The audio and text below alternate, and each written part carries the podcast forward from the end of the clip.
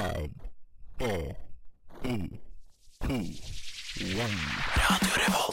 Hei, jeg er Erna Solberg. Mitt navn er Vegard Harm. Morgen, morgen, alle sammen. Jeg heter Mattoma. Hei, jeg heter Amanda Delara. Hei, jeg er Silja Sol. Det er ingen andre enn Admiral P. Vi er Lemetere. Og vi er nesten helg. Det er fredag, klokken er fire. Det er fredag, det er nesten helg. Nå er det faktisk nesten helg. Endelig! Vi tar deg med ut av den kjedelige uka og inn i den deilige helga. Nesten helg. Da var det fredag igjen. Første, første fredag etter en uh, etterlengta påskeferie. Og der har du fått farge, se. Der har jeg fått farge. Jeg har Ja, fått veldig mange så, så mye fått. Ja. Hva er det som har skjedd? kommentarer på det. Det kan vi, det kan vi ta, ta igjen, eh, det kan vi ta igjen eh, etterpå. Du må jo ha tegna som faen, du. Jeg har faktisk tegnet faen. jeg er veldig villredd hva jeg skal svare på alle de her kommentarene. Jeg har i hvert fall fått meg en, eh, jeg har fått meg en tekopp. Oppi der dingler liksom den derre- du vet, den der papirlappen. Ligger liksom i mørket nedi der og bare smuldre opp. Så Posen, liksom. Posen eller, Eh, eller selve lappen? Har du selve selve lappen. lappen oppi der? Den datt oppi, så i dag, er, ja. i dag er koppen litt uh, halvtom. i. Ja. Men uh, vi skal få opp steininga, så det er bare å spenne på seg beltet, for uh, nå kjører vi. Med meg på det her lasset så har jeg Sondre på teknikk i dag. Morten på stemme og prating. Nora på eh, Ja, hva kaller man Bak det? roret. Bak roret, Mm. med, med teen i handa. Ja. Ja. Men vi må jo vi må, vi må få på noe bra musikk for å kicke i gang det her. Da skal vi høre en sykt bra låt av Fie, 'Texas Baby'. Jeg er Jonis Josef, og du hører på Nesten helg.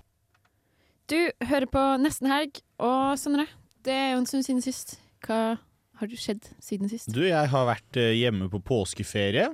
Har fått kjørt masse bil, eh, som jeg er veldig glad i. Vært på Mækkern på Flå.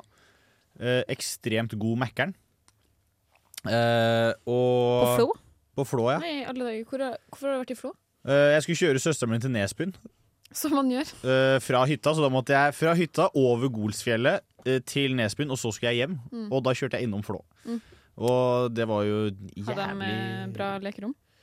Jeg var ikke inne der. Var, de har drive-thru. Gjett hvem som tok den burgeren i drive-thru. Men det var, bare, det var bare meg, og da følte jeg at da kan ikke Og så måtte jeg veldig bæsje. Og da følte jeg at jeg kan ikke bestille så mye mat, fordi nummer én, det er rart at én person bestiller masse mat. Uh, og nummer to, hvis jeg spiser for mye nå, så går det gærent. Oh ja, så du holdt deg på en måte? Du gikk ikke, du gikk ikke bare inn på Mækkern og gjorde fra deg den toeren der, og så satte deg og bestilte Eller, eller den treeren, da. Det høres ut sånn. Nei, for jeg er en TikTok-bæsjer, vet du. Det henger ikke med. Eh, Det er et begrep som jeg har funnet opp, eh, hvor du er sånn du er bare inne på TikTok når du bæsjer. Og, eller for det meste når du bæsjer. Og jeg da Men er ikke det en uh, bæsje-tiktoker, på en måte? Det er jo ikke en TikTok-bæsjer. Du bæsjer bare når det er Det er jo den andre Nå Ja, snudde må- du på hodet, jeg syns jeg. jeg. nå, Det er godt mulig, men jeg er sa, jeg inn- jeg er legger inn- din på Ja, men jeg er, innvandrer, ja, men det er også skjult. men jeg er innvandrerbarn, så det at dere kritiserer meg nå, det er faktisk ikke greit. Ja, beklager. Eh, eh, så, nei, og et, Bortsett fra det så jeg jobba med bæsjen min. Altså jeg satt på hytta, var et dritfint vær. Hvor satt jeg? Inne. Faktisk så er du, du er norskfødt med innvandrerforelder. Ja, jeg er innvandrerbarn. Okay. Barn av innvandrer. Ja. ja. Jeg prøver bare å starte som PK-krig med deg her. Ja. Den kommer jeg dårligst ut av, det vet du, Morten. Men hva har du gjort siden sist? Jeg har også, det har jo vært påske, så da har jeg naturligvis vært på Du har påskeferie. naturligvis skrevet ned hva du har gjort. Jeg har en liste, ja. Hvis ikke, altså det er lenge siden. Jeg, det var jo et annet sted òg. Hvis ikke jeg hadde hatt en liste her nå, så hadde jeg vært helt blank. Ja. Så ja, ja, ok, nå husker jeg det. Jeg har jo vært på hytta i Stryn med familien, og vært litt sånn småsyk eh, hele veien. Så jeg har jo Men ikke så syk at det har vært kjipt. Jeg har bare vært sånn Jeg har vært så syk at jeg har hatt en unnskyldning å for å slippe å gå på langrenn. Deilig. Så Ja, for det er bare- godt, også, for jeg gikk på langrenn, og det var helt jævlig. Ja, og jeg er i ganske dårlig form sånn kondismessig, så det var egentlig like greit å bare sitte på verandaen i solsteiken og lese bok, høre på musikk og spise Kvikk Lunsj. Ja, for det var en revolusjonerende greie for meg den påska her, fordi jeg har begynt å gå litt på ski og syns det er gøy. Og så tenkte jeg ja, jeg skal bli med tanta mi på ski, og de går jo masse på ski hver påske, og så gjennom hele sesongen. Fy søren, de har kondisjon, ass! Jeg følte meg Ja. slått ned i støvlene. Det var helt eh, Det, var helt, eh, det knuste selvtilliten min i tusen knas. Ja, noen folk bare går på langrenn som det er å spasere Ja. Jeg, kan ikke skjønne Og det. jeg trodde virkelig at jeg hadde, men I don't. Og da, jeg hadde et skikkelig høydepunkt i eh, påskeferien. Fordi når man er med familien, alle er veldig komfortable med hverandre. Det blir fort litt sånn småkrangling, ikke sant? Mm. Så vi har jo spilt det brettspillet som heter Besserwisser. Hvis dere har spilt det. Ja, ja, ja. Sånn kort oppsummert så er det et quiz-spill hvor man starter runden med å trekke kategorier. Så får man spørsmål ut fra de kategoriene man trekker. Så det oppsto en diskusjon rundt uh, hvorvidt rekkefølgen man trekker brikker i, påvirker sannsynligheten for om man får brikkene man ønsker seg. Det er jo Det er det jo. Ja, jeg ja Sondre. Nei, nå- det er det det er du ikke. Ja, ok, ja. Det, en fellow eh, Gløsing har uh, intuisjon på statistikken her. Ja, altså sånn, det gir jo Ja, å, ja, det, vet du hva? Kvantitative metoder. Jeg trekker meg med en gang. Men i hvert fall, det, var, det, det, ble ordentlig, det ble ordentlig diskusjon, fordi hver gang folk var treige med å trekke brikker, så bare var jeg sånn OK, da begynner jeg å trekke. Uten å melde. Så jeg bare begynner å ta fra posen. Da Fordi jeg vet det har, det har ingenting å si hvilken rekkefølge man trekker i. Mm. Det er jo, Man kan sammenligne det med å dele ut en kortstokk. Det er jo ikke noe å si hvor du sitter i rekkefølgen. Det er ikke sånn at Hvis jeg sitter først i rekka, så er det høyere sannsynlighet for at jeg får hjerter-dame, liksom. Nei, vet du hva? Det er faktisk, Hvis det er et av de siste to kortene, så er det 50% sjanse for å få det. Egentlig må du sitte sist. Jeg har hørt på så mange sånne argumenter i hele påsken, men eh, det endte, endte med at jeg måtte regne på det. Og måtte fact-sjekke det med min uh, onkel, som er ganske Nei, jeg kan ikke si det. Nei, han, han er veldig opptatt av bridge og matte, da. Mm. Så han, han kan sin matte. Så jeg, skre, jeg lagde en liten, eh, et lite bevis på at det jeg sa stemte. Så fikk jeg han til å skrive under på det. Så jeg bare gnidd det i trynet på hele familien. Bare sånn, Jeg føler bare Ja. det at dere kan ha At det her er en case i familien deres, sier litt om hvem dere er som det, det kunne bare ikke skjedd i min familie. Men det skjer i noen familier veldig Ja. sånn uh, Skulle ønske at min familie var litt mer Altså, det, det var jo ikke krig, det var, mer, det, det var mer sånn banter, på en måte. Ja, ja, men det er viser jo inter eller sånn uh, interesse. Ja, det er veldig gøy, og veldig gøy å kunne dunke i bordet med et matematisk fra- bevis med underskrift fra fra min eh, matteonkel, Mm. og bare gruse den diskusjonen helt. Det var kjempedeilig. Det har vært en Og jeg påske, lever altså. fortsatt på den uh, seieren der. Ja, det hører jeg. Hva med deg, Nora? Hva har du gjort? I påska, så ja, dere fikk jo en liten sneak peek, dere som fikk med dere i starten her. Jeg har fått veldig mye kommentarer på at jeg er blitt så brun. Det er fordi at Eh, Nora har vært fire måneder på Gran Canaria Ja. i påsken. Ja, Eh, jeg, s- eh, jeg har jo en sånn badeklubb der jeg, legg, der jeg la ut et, en liten sånn derre sånn Kom på bading i morgen. Da tok jeg bare en selfie av meg selv der jeg satt, og, jeg, og der er det veldig sånn sollys. Jeg ser Jeg har jo oransje skjegg. Og så spurte jeg roomien min du, har, Ser det ut som jeg har sånn oransje skjegg, eller? Nei, du bare ser litt skitten ut. Historien er jo at jeg har tatt selvbruning. Eh, fordi jeg Hæ, du sa jo til meg at du bare har tegna. Ja, Nei, du, du gjorde ikke det. Fordi, men det, skal jeg, det har jeg faktisk begynt med i dag. Og folk drar veldig på den. De, ser, de hever et Du, lite kom, du, kommer ikke, er du kommer ikke unna med den løgnen, Nora. Det er veldig åpenbart. jeg syns det, jeg har det er så fascinerende at folk har så lyst til å høre s- at jeg sier sånn Nei, jeg har tatt selvbruning. Det er veldig uglesett å ta selvbruning, og det syns jeg er litt rart når det er så mye sunnere og eh, enklere enn å legge seg ut og sole seg. at Sånn, hadde, jeg vært på, på, hadde, vært, hadde jeg vært på påskefjellet og hatt brilleskille nå, så, så hadde alle vært sånn Herregud, du ser så frisk ut. Mens nå er det litt sånn derre Du har tatt selvbruning, kom an, si det, si det. At det er litt Mhm. sånn eh, At det er litt sett ned på, da. Og det syns jeg er litt rart. Det er ikke så PK, vet du. Nei, men altså sånn, begge er jo Og så snakker jeg med venninna mi om det det her, og hun er sånn Ja, men det, det fronter jo litt det sånn derre um, ideal må være brun, men det gjør jo det å legge seg ut og sole seg òg. Mm, så Ja. nå, du, får bare, du blir bare brun uten hudkreft. Ja! Mm. Så eh, nei, jeg slår altså et slag for skjellbruning. Ja. Utenom det så har jeg, har jeg kommet meg på snowboardkjøret. Jeg prøvde meg litt Oi, oi. på snowboard i påska. Jeg er blitt helt hekta, så nå føler jeg meg som en snowboard-chick. Em, selv om jeg bare tryner rundt. Men jeg håper bare jeg er nybegynner for alltid, Fordi jeg føler liksom Jeg får til nye ting hver gang, så jeg skal bare Jeg skal fortsette der jeg er. Vi skal høre litt musikk før vi kommer oss i gang med et ukas første intervju. Vi skal høre 'Clear the Air' av Naga Siren. Dette er Kari Bremnes, og du hører nå på Nesten helg. Og vi har fått med oss en gjest. Vi har fått med oss franske Lorelou Chardin, de Chardin, som skal uh, ha et uh, Den naila du, Sondre. det, jeg, har øvd, jeg har øvd på det i hele dag. Uh, Hva, hva, hva syns du om uttalen? Var Hva, karakter fra det var eh, perfekt. Ja, fantastisk! Åh, den her kommer Sondre til å le på. ja, jeg kommer til å le på dette her til jeg dør. Eh, for du har da Du kom til Norge i 2010.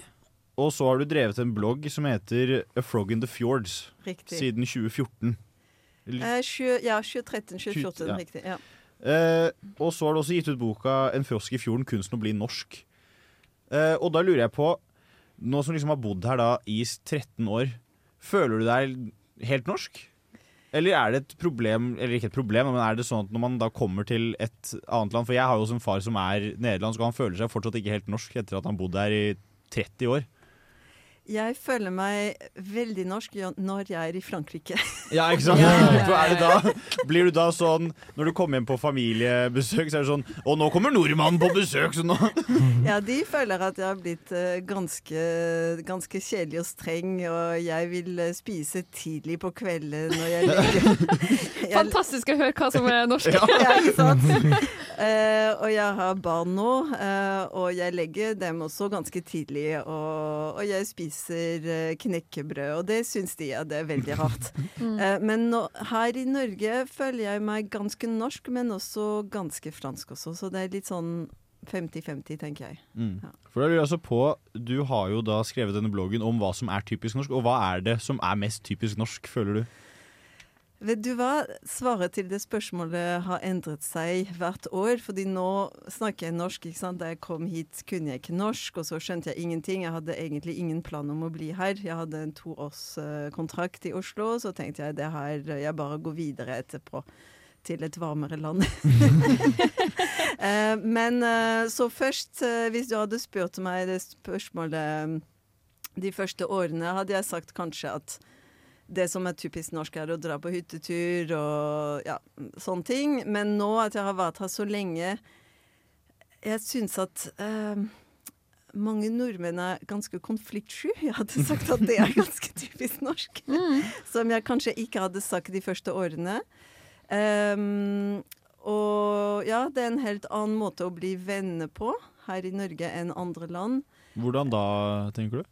Ja, her Altså, det er mange som har skrevet om dette her før men, eh, og snakket om det, men her er det f.eks. det sosiale skjer rundt alkohol, ikke sant? Mens i mitt land og Italia og Spania og mange andre land skjer det rundt mat, f.eks. Mm. At du har en lang middag med masse god mat. Mm. Um, og det er det sosiale, det er sånn du, du får deg venner. Her er det mye rundt alkohol, og det er mye rundt organiserte aktiviteter, og det er den sånn frykten for smalltalk.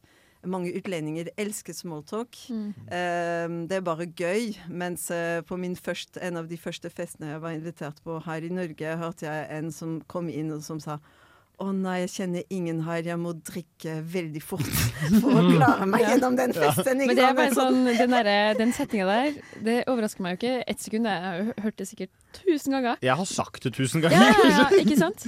Men hva er, sånn, hva er eh, temaet du har tatt opp på, på den bloggen nå, nå i de siste årene? Ah, det, vet du hva, det er så mange temaer der. Jeg har over 130 eh, bloggpost. okay, et, Så det er, eh, men jeg har skrevet eksempel. mye om dating. Ja. Nå er jeg gift og har barn, så jeg, jeg, har, Det jeg er jeg, jeg skriver ikke om det lenger. Men hva Det kanskje være litt rart. Ja, det er litt rart. Nei, det trenger ikke være. Ja, ja, det er øyet som ser. Men eh, nei, jeg har skrevet mye om dating, fordi der var det, da, da var det en stor kultursjokk for meg, som kommer fra et latinsk land hvor eh, vi er oppdratt som kvinner og bare sitter i en hjørne og, eh, og ser pene ut og le litt når det en mann sier en vits. Ja. Og så det er alt vi har forventninger der, liksom. Men føler du at Altså her er det ikke sånn. Hvordan er det her? er man mer proaktiv i Norge? Ja, kvinner må være litt mer proaktive Ja. her i Norge. Eh, Så jeg da, da. Syns du, syns du det var behagelig å være mer proaktiv, eller syns du det var litt uh... Nei, det, nei, det syns jeg ikke i det hele tatt på det tidspunktet. Uh, og jeg endte opp med en mann som ikke er norsk, faktisk. og,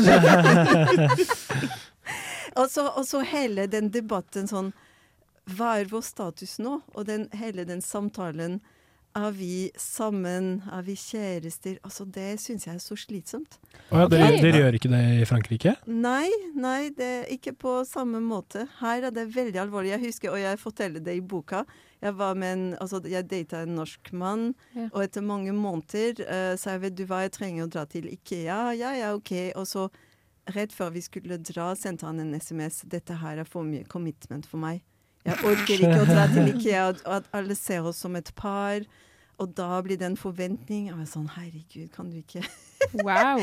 Så vi er Du var bare sånn, interessert i en billighylle, og han var helt sånn Jeg vet ikke hva det ble, men eh, vi er veldig opptatt av å, er vi veldig opptatt av å ha en label på Ja. forholdene våre i Norge? Ja, det syns jeg. Eh, det er viktig. Er vi kjærester?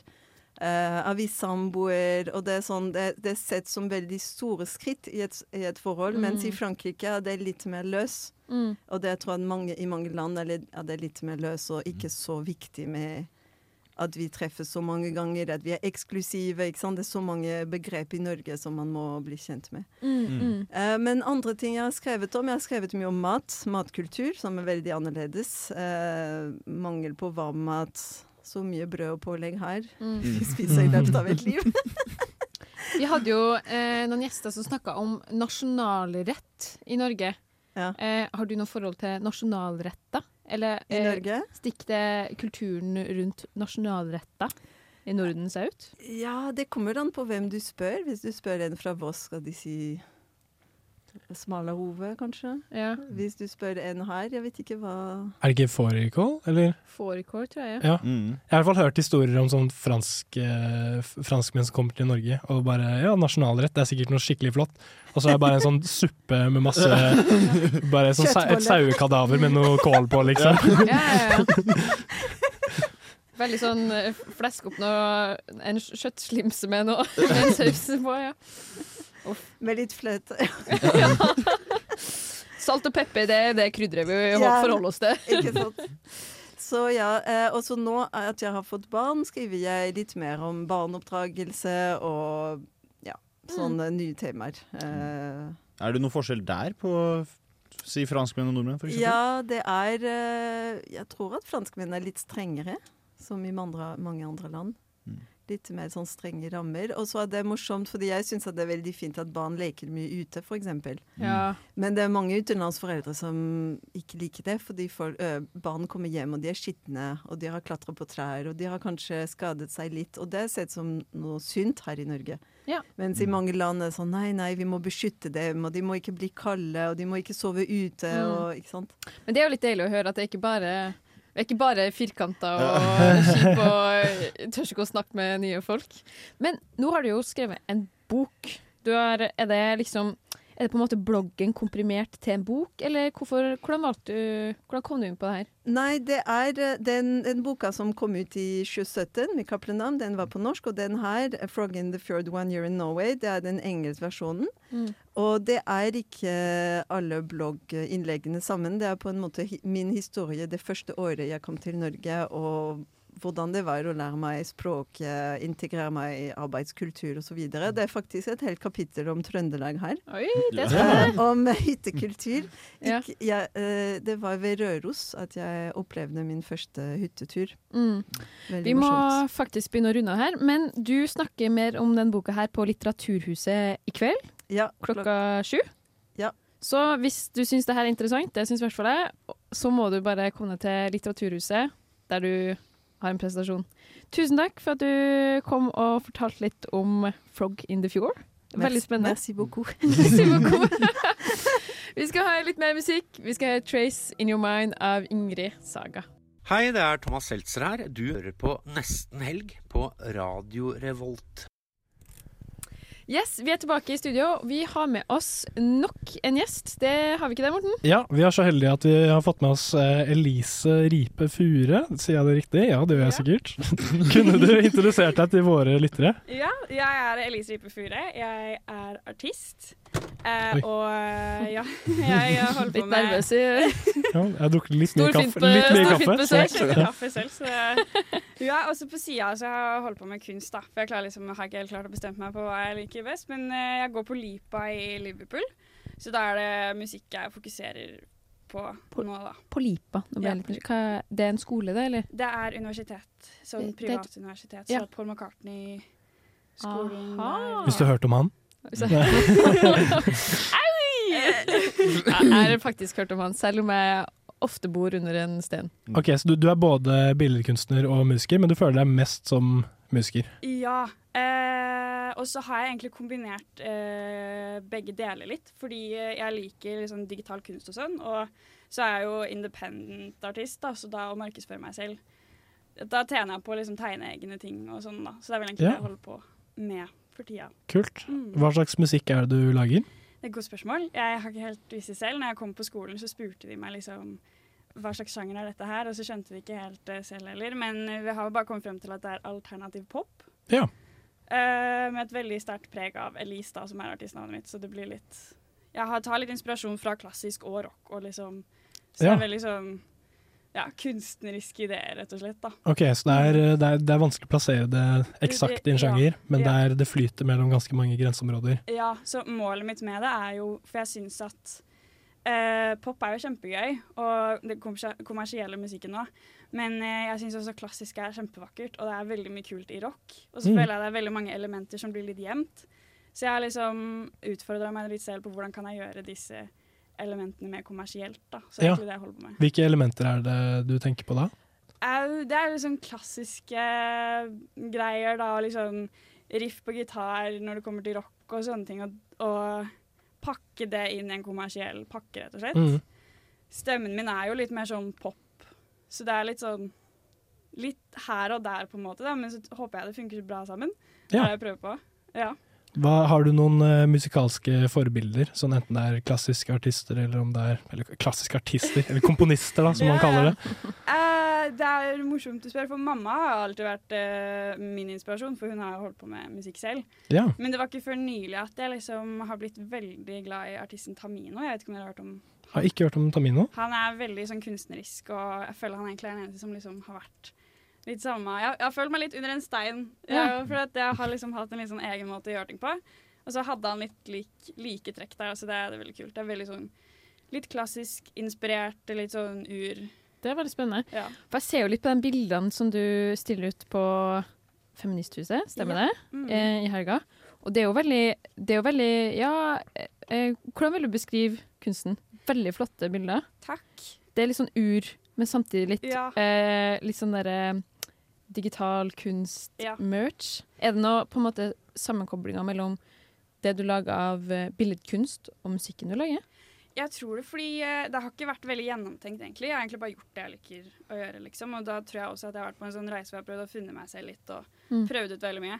Uh, men jeg ser jo at uh, det folk sier, er at de ser liksom det der urgreiene, men også at jeg tegner rent. Og tegneteknikk heter det, da, og akrylmaling og sånne ting. Så da, da har det egentlig bare ja, blitt veldig likt som det jeg gjør i Mm. musikken, egentlig. Ja. Mm. Du skal ha en eh, utstilling i morgen, 'Kvinners styrke', Ja. på Feministhuset i Trondheim. Ja. Har du lyst til å snakke litt om den utstillingen? Ja, så det, det er egentlig veldig morsomt, for det er egentlig, de har månedsutstillinger. Så det er for hele april, så den startet opp 1. april, da. Um, men det som er morsomt, er at vi hadde jo ikke feministhus her i Trondheim før.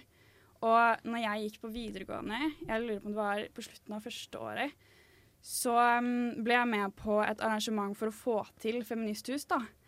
Eh, og da hadde jeg liksom den første den ideen med å sammenkoble musikk, band først, og så kunstutstilling etterpå, da, og det er egentlig de bildene der. Og så så jeg at det liksom Det har blitt hus.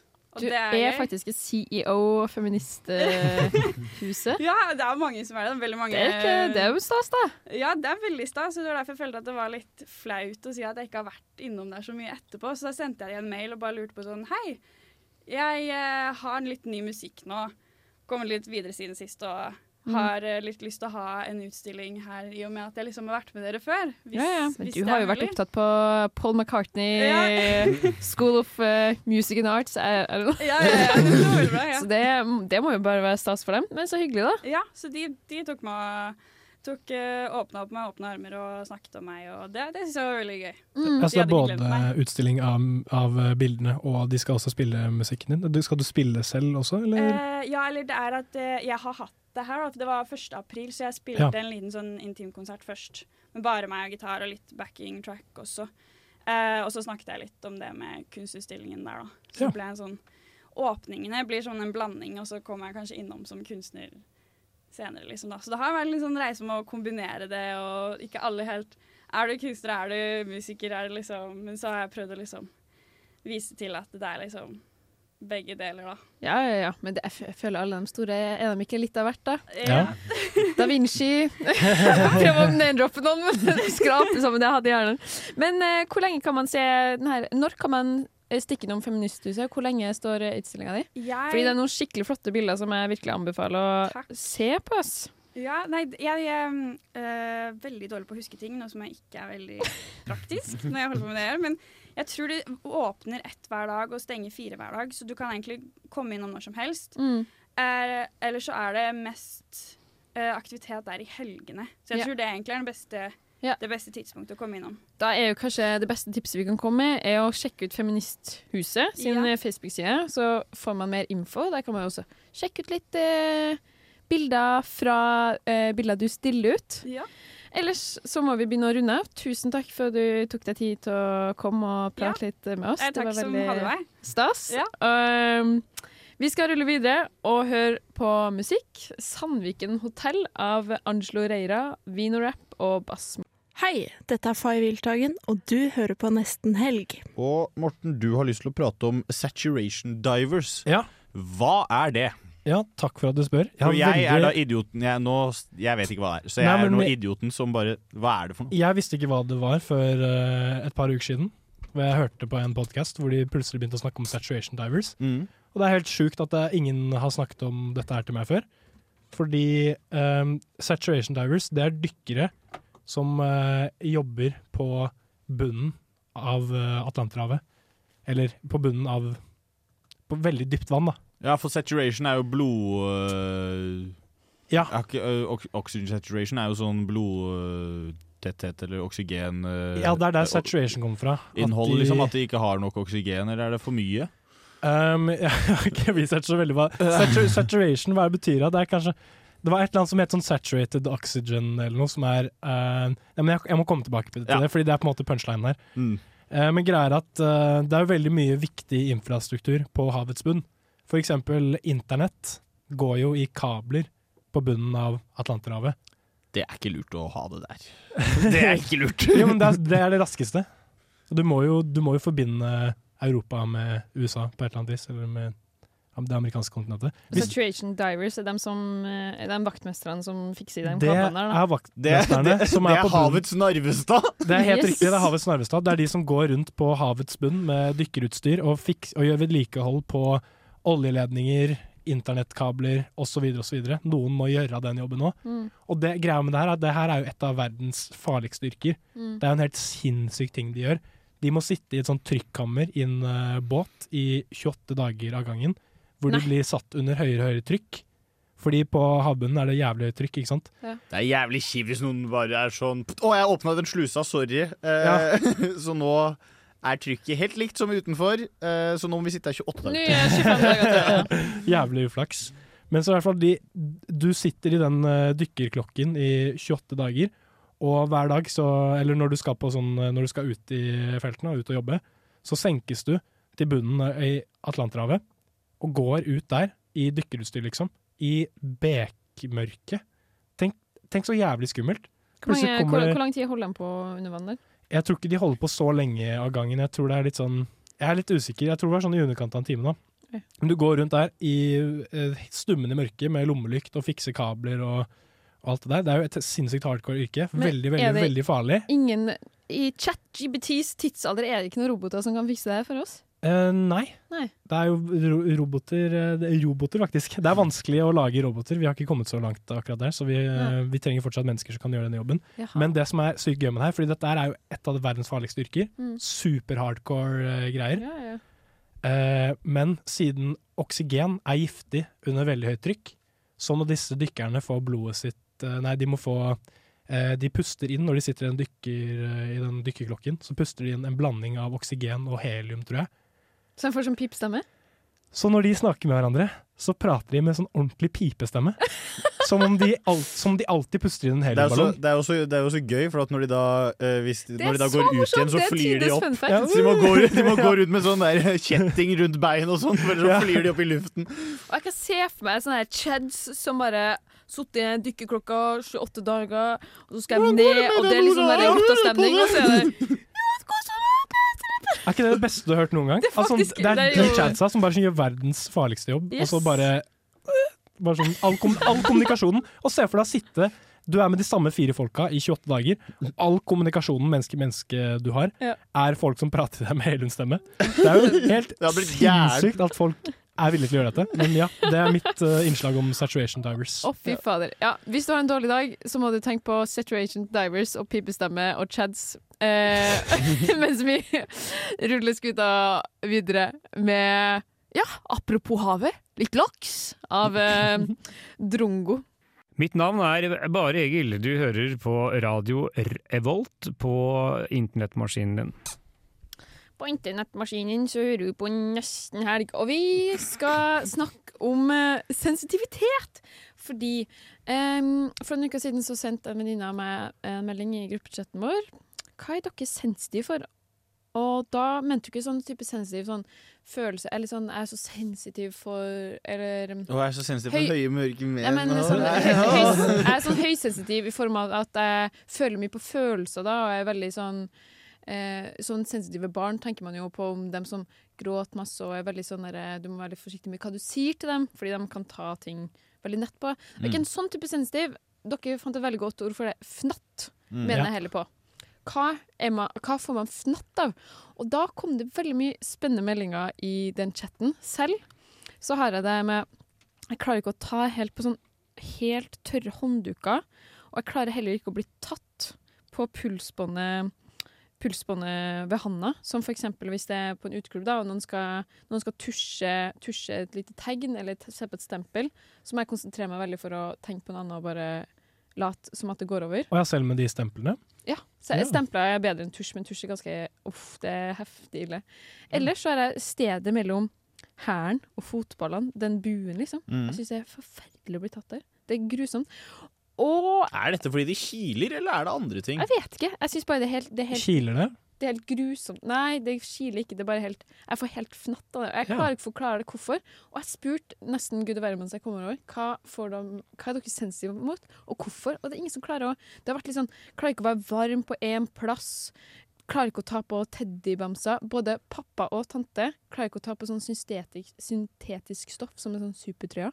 Har Ja. dere noe dere er sensitive for? Jeg er sensitiv for, uh, mye for lyd og lukt. Jeg er veldig uh, spiselyd. Når jeg ikke spiser sjæl, Ja. uh, hvis folk da spiser Noen har høyere spiselyd enn andre, det, er da, noen ganger som jeg forlater rommet. Hva er verst av smatting og sånn uh, slimkjevling? Slimkjevling, det er, den, den er det når du hører maten i munnen der. Ja.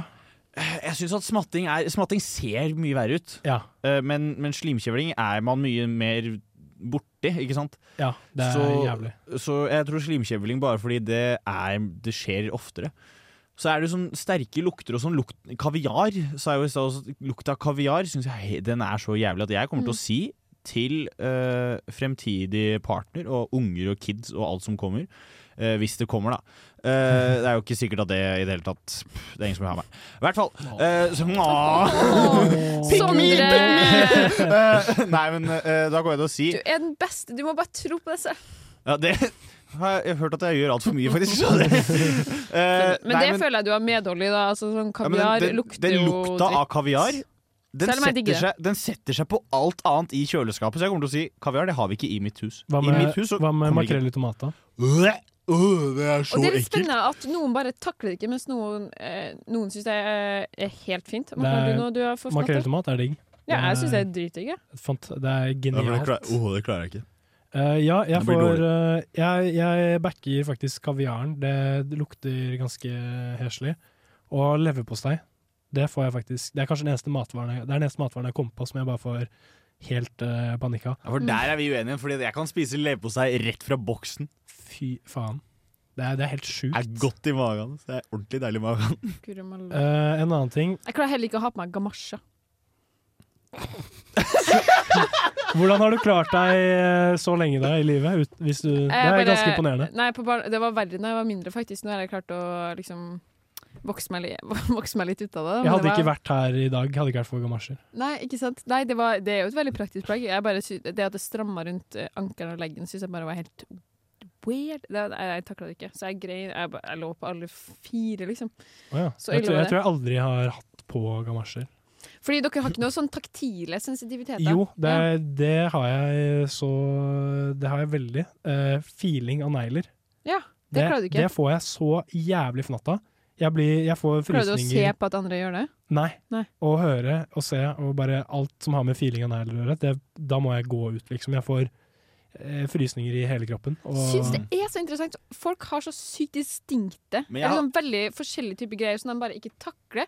Og jeg skjønner ikke hvorfor. Jeg prøvde å google opp og ned, men jeg finner ikke noen forklaring på hvorfor har man denne fnattene her. Ja, men jeg er også sånn at Hvis hånda mi blir sticky, Ja. det liker jeg ikke.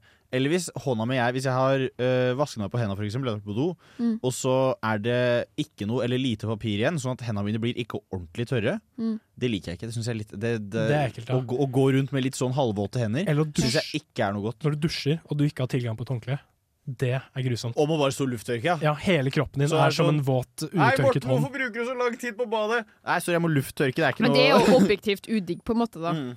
Feeling av negler syns ikke jeg er så Det er jo ikke ille, på en måte. Men shit, hvis du lytter ut der, har en uh, begrunnelse for hvorfor har vi sånne fnatter, sånne derre helt subjektive, rare fnatter, let me know. Fordi jeg dør av nysgjerrighet. Og gjerne har- send inn din Ja, fnatt. mm, fordi si. det her er også min uh, fredagsunderholdning. At nesten helg på Instagram. Yes, der har du det.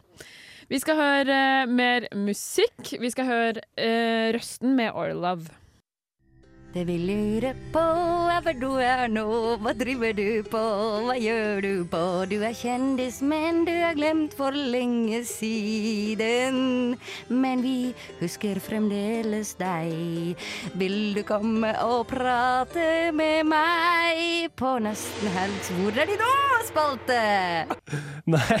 Nå var vi litt sånn der, eh, litt panisk eh, eh, kroppsspråk mellom meg og Morten. Eller eh, hva heter det sånn finger... Men jeg føler at det, det har ikke vært så mye snakk om Dalai Lama i det siste, før nå.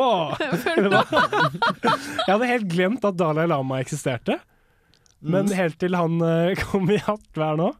Ja. Syns du det funker? Der redda du Den jeg faktisk så bra at jeg visste jeg, jeg, jeg trodde jo at vi, at Nei, nei. vi tulla det til, men du var Nei, så smooth at du bare redda det rett inn. Ja, herregud. Så, Ja. Fordi eh, Dalai Lama han Ja. er i uh, hardt vær om dagen, kan vi si. Han poppa jo opp på min uh, Facebook-feed også, og da trodde jeg det var en fake news, fordi der sto det Dalai Lama 'ask me to suck my tongue'.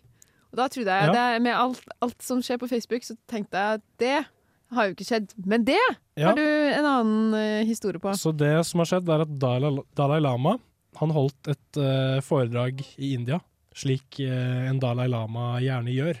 Mm. Det er jo på en måte det, det han gjør. Han reiser rundt og holder foredrag. Noen skulle Mm. lage en sånn realityserie reality-serie om Dalai Lama, hva, hva, stå, hva består hverdagen i der? Det ble Han er jo 87, så det er vel litt sånn stå opp i 9-10-tida, se på God morgen Norge, få i seg noe knekkebrød og Traske ned på 3T og ta spinning med resten av Pensjonistforeninga, og Ja, så er det noe sikkert- vaffel og Så på onsdager så er det historielaget i Tibet som har noe sånn forele foredrag og noe greier. Det er et bingo er ikke på torsdager. Ja.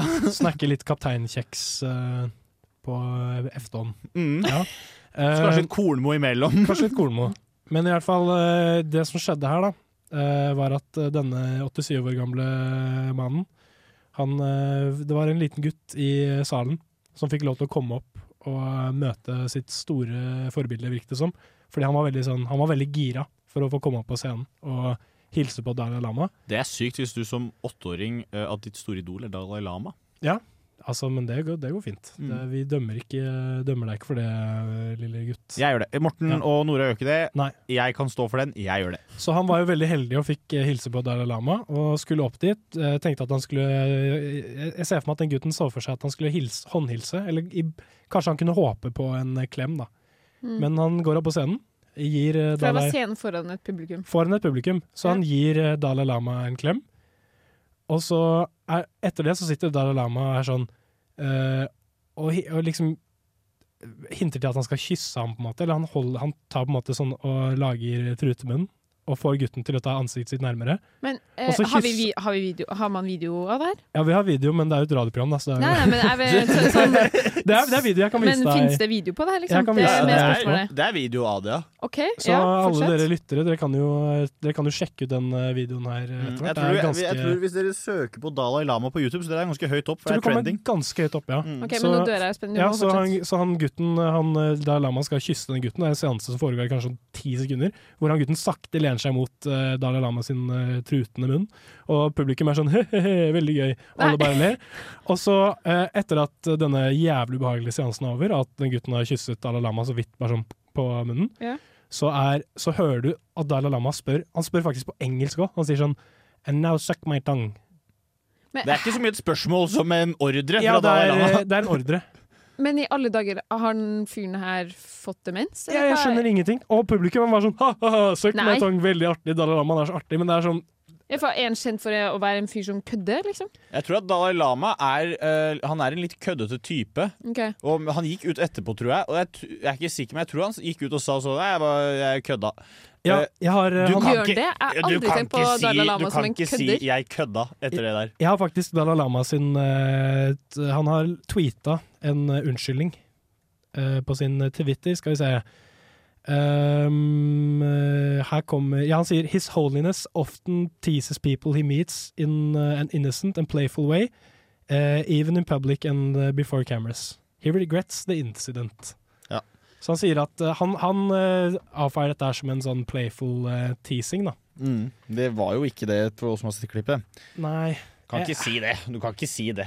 Nei, Det det skal jeg se etter sending. Altså, det klipp- Og det kommer til å ryste med min grunnleggende Ja, det, var helt, det er forferdelig. Jeg, jeg kunne ikke jeg, bom- jeg, Du kan ikke se det uten å skjære grimaser, liksom. se Det er eh, groteske greier. Men uh, ja, jeg vet ikke hva intensjonen til Dalai Lama er. Han Nei, han er 87 år. Kanskje han begynner å Kanskje, kanskje det begynner å bli litt suppe oppi Ja, topplokket. Eller så er han blitt såpass gammel at han tenker nå kan jeg gjøre hva jeg vil, og hvem jeg vil. Ja. Og Med at- demenskortet, liksom? Eller Ja, eller bare sånn bare bruke gammel mannkort og være sånn Jeg vet ikke hva som skjer! Og så bare kan man gjøre hva man vil. Og det er jo, det er jo en uh, kjensgjerning at uh, sånne spirituelle ledere ofte um, Det er nesten uunngåelig at de får en uh, smak for unge gutter. Sånn, jeg Det, tror er litt, det henger litt med, det. Det er bare en naturlov. Som hvis Mhm. du er en, en eller annen form for spirituell leder som får Mm. mange nok følgere, så blir du pedo. Ja. Det er bare sånn det er. Mm. Det Pave er- Frans, kan man si det? Eh, ja Han er jo han er sjefen for alle de andre katolikkene. ja. ja, han må jo ta litt uh... Så det er han som har det øverste ansvaret her. Ja, egentlig. Mm. Martin Luther. Da, vi må bare konkludere med at uh, ikke bli hva er spirituell religiøs leder. Da blir Ja. du pedo. Rett og slett. Så kom deg, kom deg bort fra det der. Ikke studer teologi.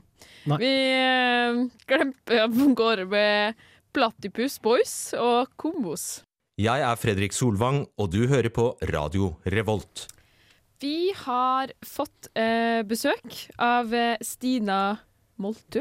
Da uttaler jeg det rett. Eh, hei og velkommen til studio. Takk, takk for at jeg fikk komme. Det er bare hyggelig. Oi, jeg skal se.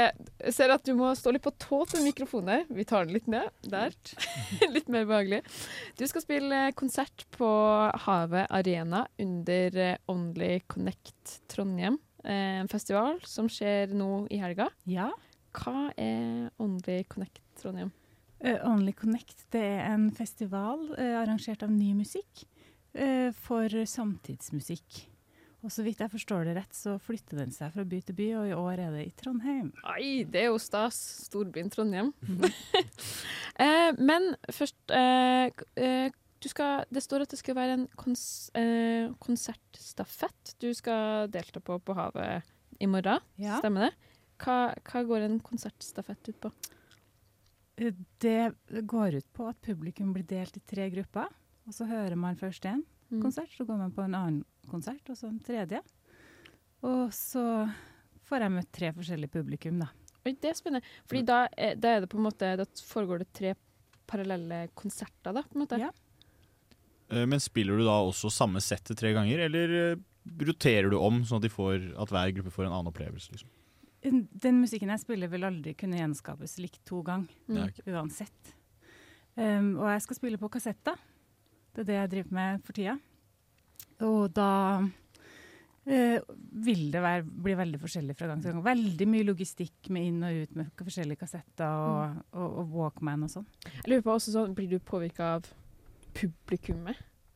eh, at det påvirker hvordan du opptrer? Eller blir det mer sånn derre hva du eh, føler på mens du opptrer?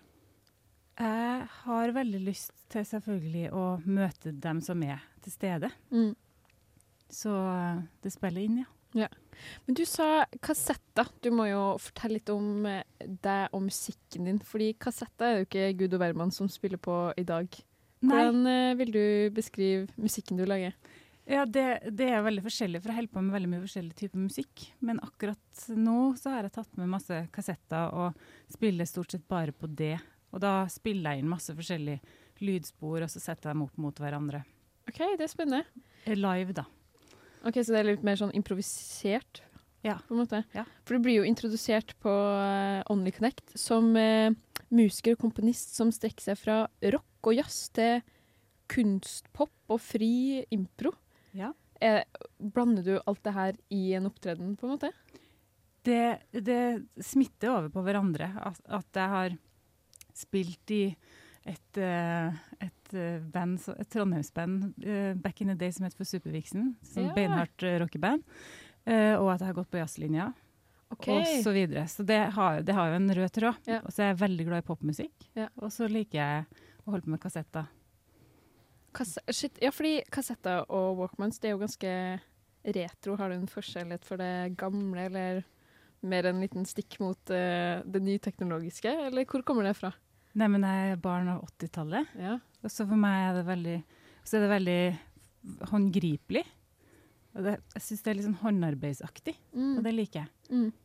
Hvor, hvordan spiller man på kassetter? Jeg skjønner ikke hvordan det kan gå opp log logistikkmessig. Har du, bare, har du masse kassettspillere som du setter inn forskjellig, på forskjellig tid? Ja. Ja. Så har jeg en mikser. Så har jeg forskjellige spor, da. Så mikser jeg dem her sammen. Ja. Og så har jeg pitchkontroll på kassettspillerne, så jeg kan mm. pitche opp og ned. Og lage masse forskjellige greier. Shit, det er sykt spennende. Men det er jo veldig mye som du sier, logistikk og den her impro-delen. Og får du noen gang jernteppe at det bare er liksom Å, shit, nei, nå gikk det ikke eh, gangen i det hele tatt, på en måte. Uh, det er noe som heter feil kassett i feil Walkman. her Har jeg lagt merke til. All right, det har du fått skjønt på. Morsomt. OK, så da, hva skjer da? Nei, det, eh, det gjelder å ha noe backup, så du kan sette inn noe lyd mens du plages. Ja, ja, ja, ja, ja. Tror du publikum skjønner at ok, nå gikk feil kassett i feil Walkman? Eller tror du det er bare du som får det med deg? Nei, hvis du sitter og ser, ser litt tett på, så ser du at jeg blir litt stressa og tar ut og kanskje skifter. Ja. og blir litt sånn... Uh, Hvis ja. du sitter litt langt bak i publikum, så er det bare en del av uh, opplevelsen. Ja. OK, spennende. Hva kan man forvente seg i morgen? Um, eh, det Jeg har tenkt at jeg skal ta publikum med på en lydreise, så vi skal innom ganske mange forskjellige modus. OK. Hva slags type Kan du gi, gi eksempel på et uh, type modus? Jeg tror det blir en del lydlandskap, og så blir det også noe tekst. Ja. Har du et budskap du på en måte ønsker ofte å vise publikum, eller uh, ta opp? Det For meg vil det alltid handle om menneskelighet på et eller annet vis. Okay, En utforsking av det. Ja. Så det, uansett om jeg bare sier en liten tekst, så vil det være noe som reflekterer et eller annet jeg driver og undersøker i meg sjøl. Ja, spennende. Når du kom inn i studiet, så sa du også at du var Du har studert her i Trondheim og vært med på studentradio. og Du har gått jazzlinja, sa du. Hvor lenge siden eh, du studerte her i Trondheim, og hvordan, var det da? Eller, hvordan var det da? Eh, Jeg hadde studenttida mi her ja, eh, og var ferdig i 2006. Ja. Eh, Men det miljøet som var her fra 2000 til 2006, det var helt fantastisk i hele Trondheim. Det var Ja. så gøy, og det er det sikkert fortsatt. Så jeg fikk den samme buss, fredagsbussen da jeg kom inn i eh, studiet her. Ja, ja, for her er det litt folksomt. Ja, for jazzlinja i Trondheim er jo også kjent for å være ganske sånn eh, boble. Eh, nå også, var det det den gangen? Ja, og så var det sånn at jeg også spilte i dette hardrock-bandet, da. Så jeg hadde liksom to bein hele tida. Så da fikk man farta godt rundt i hele Trondheim. Ja, ja, ja. Spennende. Når er det konsert, eh, konsertstafett kicker i gang eh, i morgen? Konsertstart er tolv, men det starter halv tolv. For det skal det være litt organisering med. Må jeg, da må jeg jo spørre, er det tolv på dagen, eller er det tolv på kvelden? Det er tolv på dagen, ja. Alright. Og det er klart at det må man presisere. Ja, faktisk. Havet er jo en veldig flott arena, det, så det må jeg bare tipse om. Og, og så må vi begynne å runde av, så jeg må si takk for uh, intervjuet. Veldig spennende å høre om kassett, uh, kassettimpro. Det blir min uh, Jeg håper jeg får tid til å stikke innom. Jeg bor jo faktisk rett attmed. Så takk. Og så skal vi høre litt mer musikk. Vi skal høre eh, 'Candle Flame' av Jungle og Erik the Architect. Det vi lurer på er hvor du er nå, hva driver du på, hva gjør du på? Du er kjendis, men du er glemt for lenge siden. Men vi husker fremdeles deg. Vil du komme og prate med meg på Nesten helt Hvor er de nå, spalte? Her om dagen så poppa det opp Eller sånn, jeg har veldig mye Jeg tror jeg har veldig mye rare algoritmer på uh, Instagram, som jeg egentlig ikke bruker så masse. Kanskje derfor er den er litt uh, De kjenner deg ikke ennå, vet du. spott og spe. I I hvert fall så dukker godeste Alexander Rybak opp. Ja, ja, ja. Og så begynner jeg å tenke Shit! Hva gjør du i livet nå? Hvor er du hen? Han er jo egentlig Hvor gammel var han? Snakker du han om, snakker om Eurovision-vinner Alexander Rybak? Om Som står i Instagram-bioen hans? Snakker om det, the, the Eurovision winner Ja, ja, ja. of 2009. Alexander Rybak. Men hvor gammel var han når han vant, da? For Var det han ikke ser sånn jo- 23 eller noe? Han ser jo fader meg ut Jo, som han er, han er Kanskje 22? Ser ut som han er 21 år i dag, liksom. Det kan vi i hvert fall Jeg tipper han er rundt eh, ja, 20-årene. Så jeg blir jo veldig nysgjerrig på hva gjør det her mennesket her i dag. Så det første jeg må gjøre, er å gå inn på Instagram eh, i denne leiten. Og det syns jeg jo også var morsomt, fordi det, eh, det første som står i bioen, er Eurowish winner. Og det tenker jeg sånn, ja, det er jo sant. Det er jo det, er jo det, det er stor bragd. Han, han vant jo, det er jo det han er kjent for. Men Mm. det er jo også 14 år siden, så jeg syns jo det var litt morsomt. Og så står det en filmcomposer, clothes and merch here. Så trykker jeg inn på get merch, da.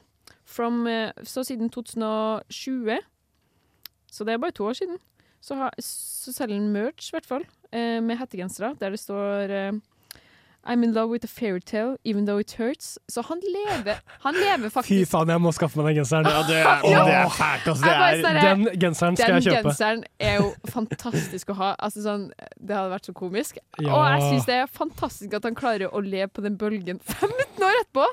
Det er I love it. det syns jeg er helt sykt, faktisk. Og så må jeg jo google også, da, for å finne litt mer eh, ut av det. Så kommer jeg inn på en liten nyhetsartikkel. Eh, og etter eh, Eurovision så har han eh, Det er jo litt trist, da. Dessverre slitt med pillebruk, men i 2020 Hva slags piller, tenker jeg da? For at Hvis det er de der fluortablettene som man bruker for å få bedre tenner, så er det sånn Å, jeg har tatt for mange av de, og jeg har fått så bra tenner nå. Da føler, det føler jeg blir feil igjen. It's a fairytale even Nei, though it hurts. det er rus. han har vært rusavhengig. Ja, Hva slags rus? Eh, det vet jeg ikke. Nei, det vet jeg ikke. Det sier det, ikke jeg er sånn det, For meg da så er, spiller det en rolle om det er liksom valium, eller om det er ecstasy, liksom. Jeg tror kanskje det Nei, jeg aner ikke. Jeg vet, Men jeg, sånn, eh, nyhets, det er veldig vanskelig å liksom misbruk av sovepiller og antidepressiva. OK, shit. Det var jo, eh, det var jo trist å høre, på en måte. Mm. Men, Kjip- 20 kjip sak. men, eh, ja, men, nei, men saken ender egentlig godt. Fordi han har fått seg inn på um, For han er jo også litt sånn en skuespillerspire, da. Så han har fått seg inn på college i USA, der han skulle ta en mastergrad i komponiserende musikk, eller et eller annet. Han Skal lage filmmusikk da, og studere film... eh, ja, filmcomposer, da. Så eh, nest siste Instagram-innlegget hans er jo In 2022 I got closer to my family and my fans and my God. Sweet music was played with old friends and you. I got my master's degrees in film music. I lived in Oslo, Nesodden, Chicago, Santa Monica, Tujan and Hollywood. I bought my first house and car and started building my music studio. But most important, I said goodbye to my comfort zone, never looking back, loving every second of it. But if I wouldn't be so fun without it, it wouldn't be so fun without your support. So thank you for following my journey this year, and good luck on your uh, in your 2023. Du har en hånd her. Uh, ja, fordi jeg er inne på hans Wikipedia-side nå. Ja. Uh, og han har noen lite based takes på, på Lukasjenko i Belarus. Oi. Uh, for han har blant annet sagt han, eh, Belarus er jo kjent som Europas siste diktatur. Oi. Eh, og Rybak har da sagt at det er ikke et diktatur. Eh, og eh, han har selv uttalt at uh, Lukasjenko holder gatene rene, og at kun mennesker som har vært i Belarus, kan se forskjellen. Å, herregud. Så det er ikke helt Det er ikke helt base, det greiene der. Altså. jeg- snakker russisk, stort meg. han, uh, her. Det som også er litt funny, er at han, eh, han er jo han har en TikTok-karriere, da. For, eller sånn, han har en veldig sånn TikTok-personlighet på TikTok, eh, hvis, det, hvis man kan si det. Så det er veldig sånn eh, TikTok-trendsa går igjen, da. Du hadde en liten hånd på sida her, Morten? Ja, jeg har veldig lyst til å snakke om en Instagram-post som Alexander Rybak postet i 2020. Ja. Fordi det var sist jeg eh, drev og Det var sist han dukket opp i min bevissthet. Det var at i eh, 2020, da korona brøt løs, Mm. og alle var i lockdown og var triste og lei seg, Mm. så postet Rybak eh, Corona is to be taken seriously, but også med brille-emoji. I can finally walk the streets without people jumping me with selfies. How has, it, how has it affected your life? Å, fy- Det er så jævlig cringe å poste det. Ja, fordi jeg har hørt en annen historie om Alexander Rybak, om at han var på bussen. Mm. Eh, og, og så er det en fyr som skal av bussen, og da står Alexander Rybak eh, foran den knappen hvor man trykker på at døra skal åpne seg, og da hadde han karen bare sagt Nei, ta og så trykk på den knappen da, jævla felefaen! og det, så jeg tror ikke at Alexander Rybak får så mye spørsmål om selfies, jeg tror bare at han får uh, Hei, du er han karen som spilte fele. Jeg kan egentlig se for meg at han får veldig mye spørsmål om selfies, og alt sånt der, men at han, eh, at han eh, lett lar det gå på han, altså sånn, han har jo laga seg en egen nettside der det er liksom blogg, news, music videos, books, merch.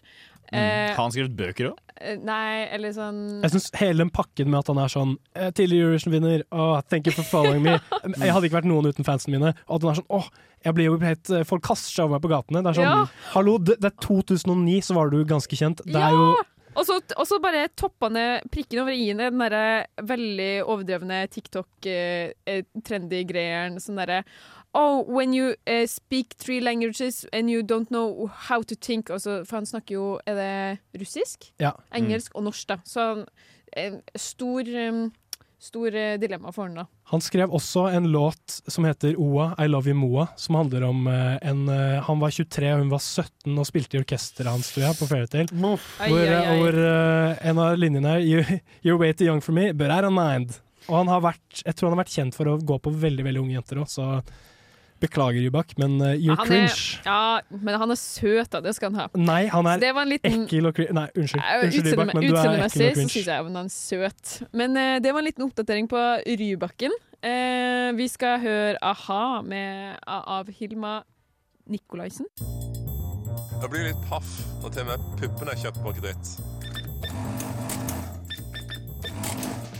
Nesten helgs sparetips.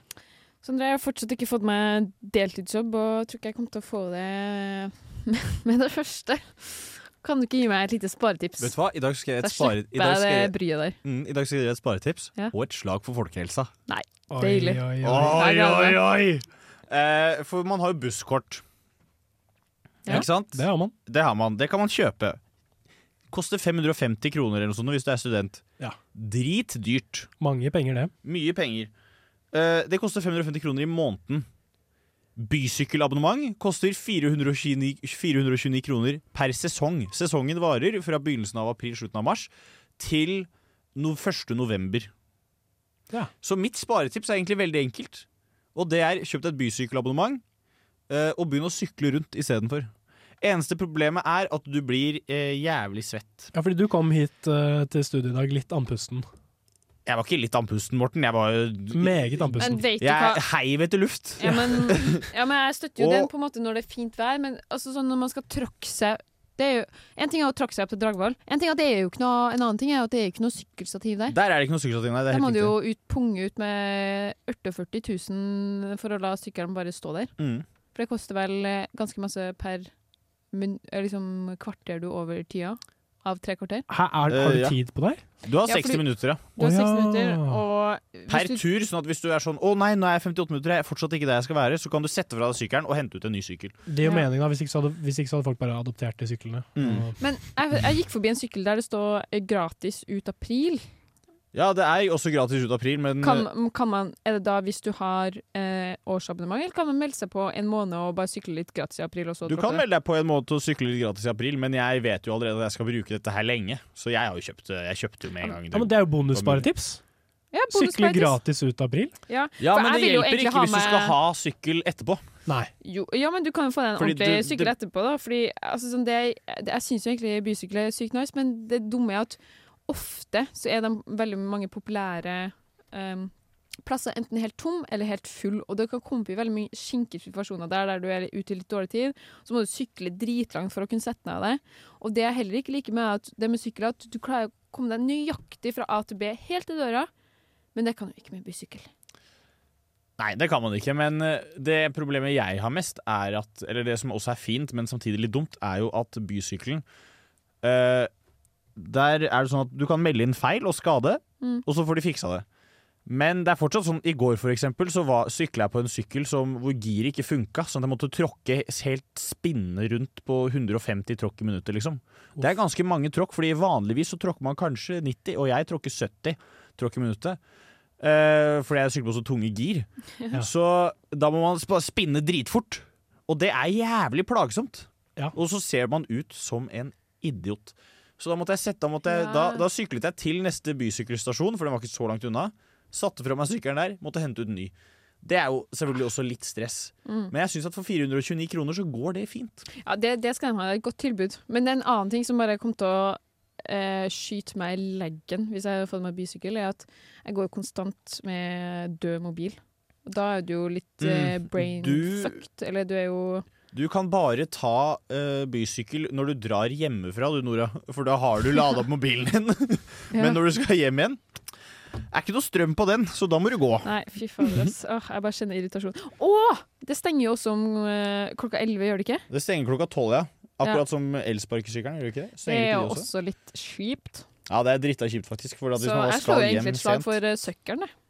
Den eh, Vanlig vanlige søkkelen? Mm. Den er, Søkkelen, ja. du, du er jo en søkkel.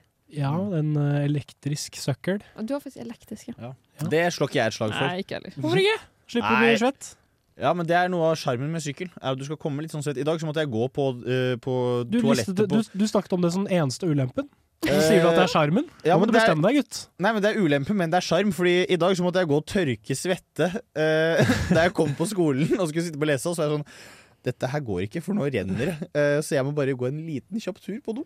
Og det, det passa du på å si høyt. Nå renner det av meg, jeg må bare tørke meg litt. Ja, jeg, jeg, jeg sa sånn til de andre som satt på leseren sånn Unnskyld at jeg bråker så mye nå, altså, men ser dere det her? Jeg er veldig Uff a meg, så svett var det ikke planlagt å bli i dag.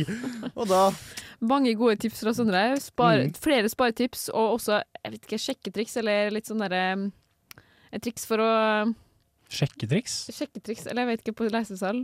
Gå rundt og uh, nei, det, det er veldig få, det. det er veldig få damer som er så interessert i min Ja, svette. ja, ja. Være svett på lesesal ble til sjekketriks. Ja.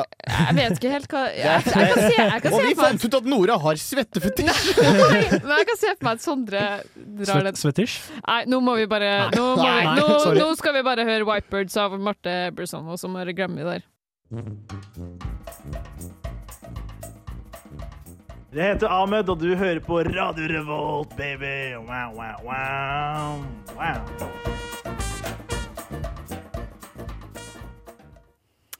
Helga tikker straks inn, men før det så har jo du en liten, eh, en liten, pra en liten prank. Ja, jeg vet ikke hva jeg skal kalle det. Det var bare eh, en, helga i gang med, eller? det var en, liten, det var en finurlig tanke jeg fikk her om dagen. Er det vannpistol? Det er eh, Nei, ikke vannpistol. Det er Jeg tenkte Er det på en måte sånn der practical joke-greier? Ja. Mm. Jeg, jeg tenkte i hvert fall at sånn, ok, greit, hvis du kjenner noen uh, som har uh, en hage, Ja. så um, uh, var min idé at du kunne snike deg inn på natten til den hagen og skjære av en, et betydelig jordstykke. Ja. og så bare plante jævlig mye gulrøtter under det jordstykket, og så legge tilbake igjen, Okay. og bare vente. Og så etter hvert så, ser, så blir den personen Nei. Så blir den personen sånn Hva er dette ugresset? Hva er disse merkelige vekstene? Ja. Og så prøver sikkert den personen å luke det vekk. Da, og så er det sånn Ja, det var veldig rart ugress. Så går det noen måneder, da. Og så er det sånn OK, nå ble disse, dette ugresset veldig stort. Så kanskje den personen drar i det ugresset, så bare Drar du opp en jævla svær gulrot, liksom?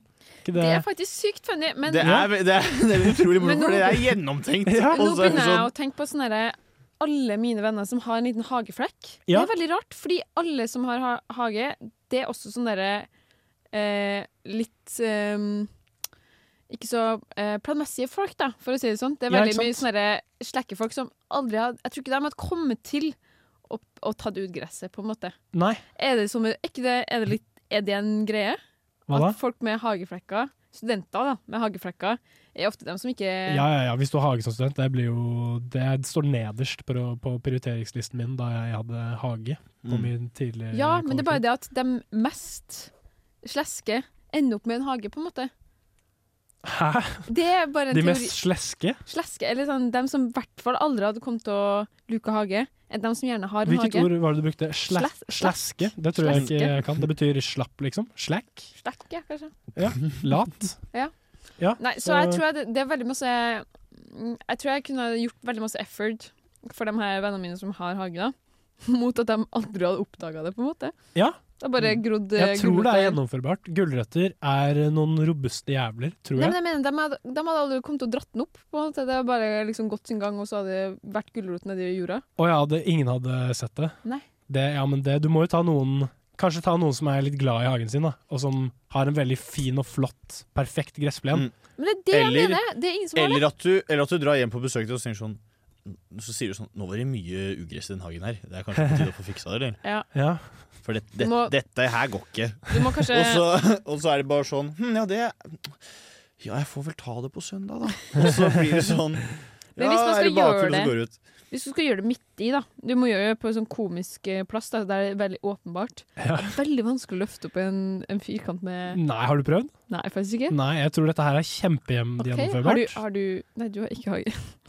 Ikke du i? Trondheim, nei. Jeg har ikke hage, nei. Nei. Jeg er har litt hage, da, men eh, Ja. der tror jeg Der er det hvis- ingen som sjekker på Svartemoen. Hvis, no, hvis noen hadde sådd, sådd en grullerot på Svartlamoen eh, altså sånn, Det hadde jo nesten bare gjort det mer penere om det var litt Folk hadde bare trodd at det var noen som drev med litt grann, eh, jordbruk på si. Ja. På Svartlamoen, liksom. Ja. Det, det, det hadde ikke vært noe gøy å gjøre på Nei, Svartlamoen. Skulle, det skulle jo godt gjøres å finne, å sånn finne igjen den gulrota, på en måte. Fordi der, eh, der er det så mye ribbel og rabbas. På Singsaker, kanskje. Mm. Ja. Kanskje Føler at folk har penger. Ja. Ja. Kan også gjøres med potet. Mm. Det er Mhm. kanskje litt morsomt å gjøre, ja. I en sånn der rikmannshage. Ja. Hage. Mm. Søtpotet. Søtpotet, ja. Vanlig sånn potet-potet. Potet, potet, men uh, da også uh, sørge for at dette her ikke er sånn entreprenørrik person som er sånn Oi, nå har jeg plutselig fått poteter i hagen, jeg tror jeg skal begynne å selge litt poteter. jeg». Og så er det sånn, fordi da begynner de å selge det rundt, og da tjener jo de enda mer penger. En liten side hustle, selger poteter for Mm. Så egentlig så burde de gjøre det med veldig fattige mennesker som ikke har råd til mat, for nå er matprisene så høye at det er sånn Vi har ikke råd til poteter. Ja. uh, Nei, og da får de masse poteter, og det er bare sånn «Åh, Hva har skjedd nå?! Ja, så får er de dritt dritmye potet. Mm. Herregud, du får, jeg føler du får grønt lys fra begge oss. Jeg synes Ja. det, her er, det, er en, det er en bra prank. Det, det er litt sånn artig med pranks, prank som ligger og må, må luske litt uh, Ja, det er uskyldig, tiden- det er ingen som tar skade. tann. skade. Yes. Ja. Mm. Eh, vi skal høre eh, noe av de siste sangene. Vi skal høre 'Will I Ever Know' av Darling West. Hei, jeg er Erna Solberg, og du hører på neste helg. All right, Sondre, fortell meg. Hva skal du helga her? Vet du hva, Denne helgen så nå har D-sluttspillet i Studentligaen begynt. Det er for de tre dårligste lagene i hver avdeling. Og der er selvfølgelig mitt Baldura. Står det for dårlige lag? Det står for driten. Står det Ja, for. driten, ja, ja. det er enda verre igjen. Uh, nei, så Mitt kjære Baldura skal da spille på Tempe i morgen klokken 12.00 mot eh, Petroleum FK. Så det er det jeg skal Petroleum FK. Ja, så det er det jeg skal gjøre på, på lørdag. På søndag så skal jeg se på utleierkamp. Og det er, jeg tror det er, det er den siste kampen jeg får sett denne sesongen, fordi resten så har jeg ikke tid. Nei. Så Jeg må luske litt. jeg. Du må, du det er må- bare å feire, det er bare å feire opprykket, for vi har rykket opp, skjønner du. Helga de må jo bestå ja. noe annet enn de her kampene. Hva, hva, hva har du tenkt å lage deg til middag, for eksempel? Eh, I dag blir det taco. På, uh, I morgen vet jeg ikke hva det blir. Uh, og på søndag blir det nok sånn pizza sånn der med sånn ferdig deig, vet du. Sånn som man bare legger på noe sånn saus og så lager sjøl. Ja. og ellers så skal jeg bare jobbe med bacheloroppgaven min. Altså. Og så spiller jo selvfølgelig Ajax på, på søndag. Er du et menneske klokken sju. som planlegger middagene ukesmenyen, på en måte. Nei, fordi i går for eksempel så skulle jeg ha taco. Ja. Ja, ble ikke det altså. I går så gikk jeg på butikken og så tenkte jeg sånn Det har vært jævlig nice med sånn big one. Det med, det med bare ost og skinke. Den, det er, det er, per nå er det min favorittpizza. Det går litt i bølger. Mm. Men den er for meg god, ass. Hvilken big one? Den vanlige classic. Classic big one? Ja, Mm. Den er ikke så gærlig, Den den. er ikke dum, den. ass. Morten, hva er dine planer? Planer for den her weekenden? Uh, jeg fikk nettopp høre at de skal sende Lasse og Geir på Cinemateket klokka åtte i dag. Så jeg lurer Ja, på om jeg jeg så det. kanskje Ja, jeg lurer på om jeg kanskje stikker på den. Det er jo, Jeg har ikke sett eh, den ennå, selv om jeg quoter den stadig vekk. Fordi jeg har sett klipp. Ja. Uh, for eksempel da er inne på den bussen. Nei, jeg, jeg Er pleier å si noe, er ikke det den filmen? Ja. Mm. Uh, Jeg pleier å si eh, 'vær litt mjuk og ta deg en kjeft', da. Jeg tror det er det de sier. Jeg er litt usikker, men jeg pleier å si det, og det er for Lasse og Geir. Så nå får jeg se den filmen og sjekke om jeg misquoter den, Mhm. eller om jeg har det inne. Så jeg, jeg er kanskje ikke helt berettiget til å quote en film jeg ikke har sett, hvem vet. Men jeg skal i hvert fall fortjene det privilegiet i løpet av dagen. Ja, men jeg tror det er veldig mange som ikke har sett Borat, for eksempel, som går rundt og sier 'very nice'. Så det Ja. Jeg sier very, very, very nice, men Very eh, nice. jeg har sett uh, Borat, så det har jeg lov til. Ja, ja og i morgen så skal jeg uh, innom uh, to Fiestas, så det blir gøy. På et lite, på lite maraton der. Med, ja, ikke sant? Litt, litt snikskryt. Eh, og så er det å jobbe med et gruppeprosjekt i anvendt kryptografi og nettverkssikkerhet, som skal inn på mandag. Det var veldig spennende. Det, sånn, det høres dritkjedelig ut og dritspennende på samme tid. Det er et, øh, veldig spennende fag. Veldig bra lagt opp uh, og kult. Men det er my veldig, veldig veldig mye pensum og mye Kode litt og sånn. HTML. Da. Det er, ikke, det er ikke så mye kodeskriving, men vi hadde faktisk en HTTPS. HTTPS, ja. Oh, Mm. uh, look at this, Mr. Smartman. Ja. Eh, Jeg har vært på internett, jeg. vet. Ja, ikke sant? Du har trykket på den låsen og sett Nei, Ja. HTTPS. Men det er faktisk litt kult fag. Vi fikk en, en av øvingene Secure står det i nesten for Ja, jeg tror det er riktig. Ja. Eh, en av øvingene vi fikk, var at vi fikk masse sånne tekster som var krypterte, med fire forskjellige krypteringsalgoritmer, og så skulle vi dekryptere dem. Det var egentlig en, det var en det var jævlig stress å holde på med, for å Mm. bare sitte og hamre hodet i veggen og prøve å få det til å bli til engelsk. Men det var veldig kult da det klaffet, og det plutselig liksom var sånn psj, Nå er det et menneskelig språk. Så det er veldig tøft fag, egentlig, selv om Fett. Ja.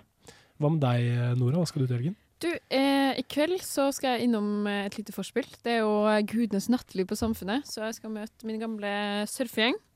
Så det blir koselig, men jeg vet ikke helt om det tar turen på Samfunnet. I morgen så skal jeg fortsette min eh, snowboardkarriere i Gråkallen. Jeg har fått med meg alle, alle mine venner som jeg kom på som står snowboard, og noen som ikke står snowboard. Så dere må også gjerne, gjerne bli med. Jeg bare jeg står her rett Nei, jeg står ikke på snowboard. Eh, og så skal jeg folk komme på middag og forspill før vi skal på en eh, fest, så det blir hyggelig. Det er en av de festene du faktisk skal på. Ja. Og så på søndag så skal jeg og ei venninne Vi skal Det er en sånn slags eh, en eh, fritidsfestival på der en kan komme og prøve masse forskjellige ting. Um, så der skal vi, og det blir en gøy søndag. Uh, vi skal høre siste, nest siste låt før vi skal si helga. Vi skal høre Old School of, av Over City. Hei sann, dette er Kristoffer Schou, og du hører på Nesten helg. Eller Neste helg, som Erna Solberg sier. Nå er helga så nære at vi rekker bare å si God helg!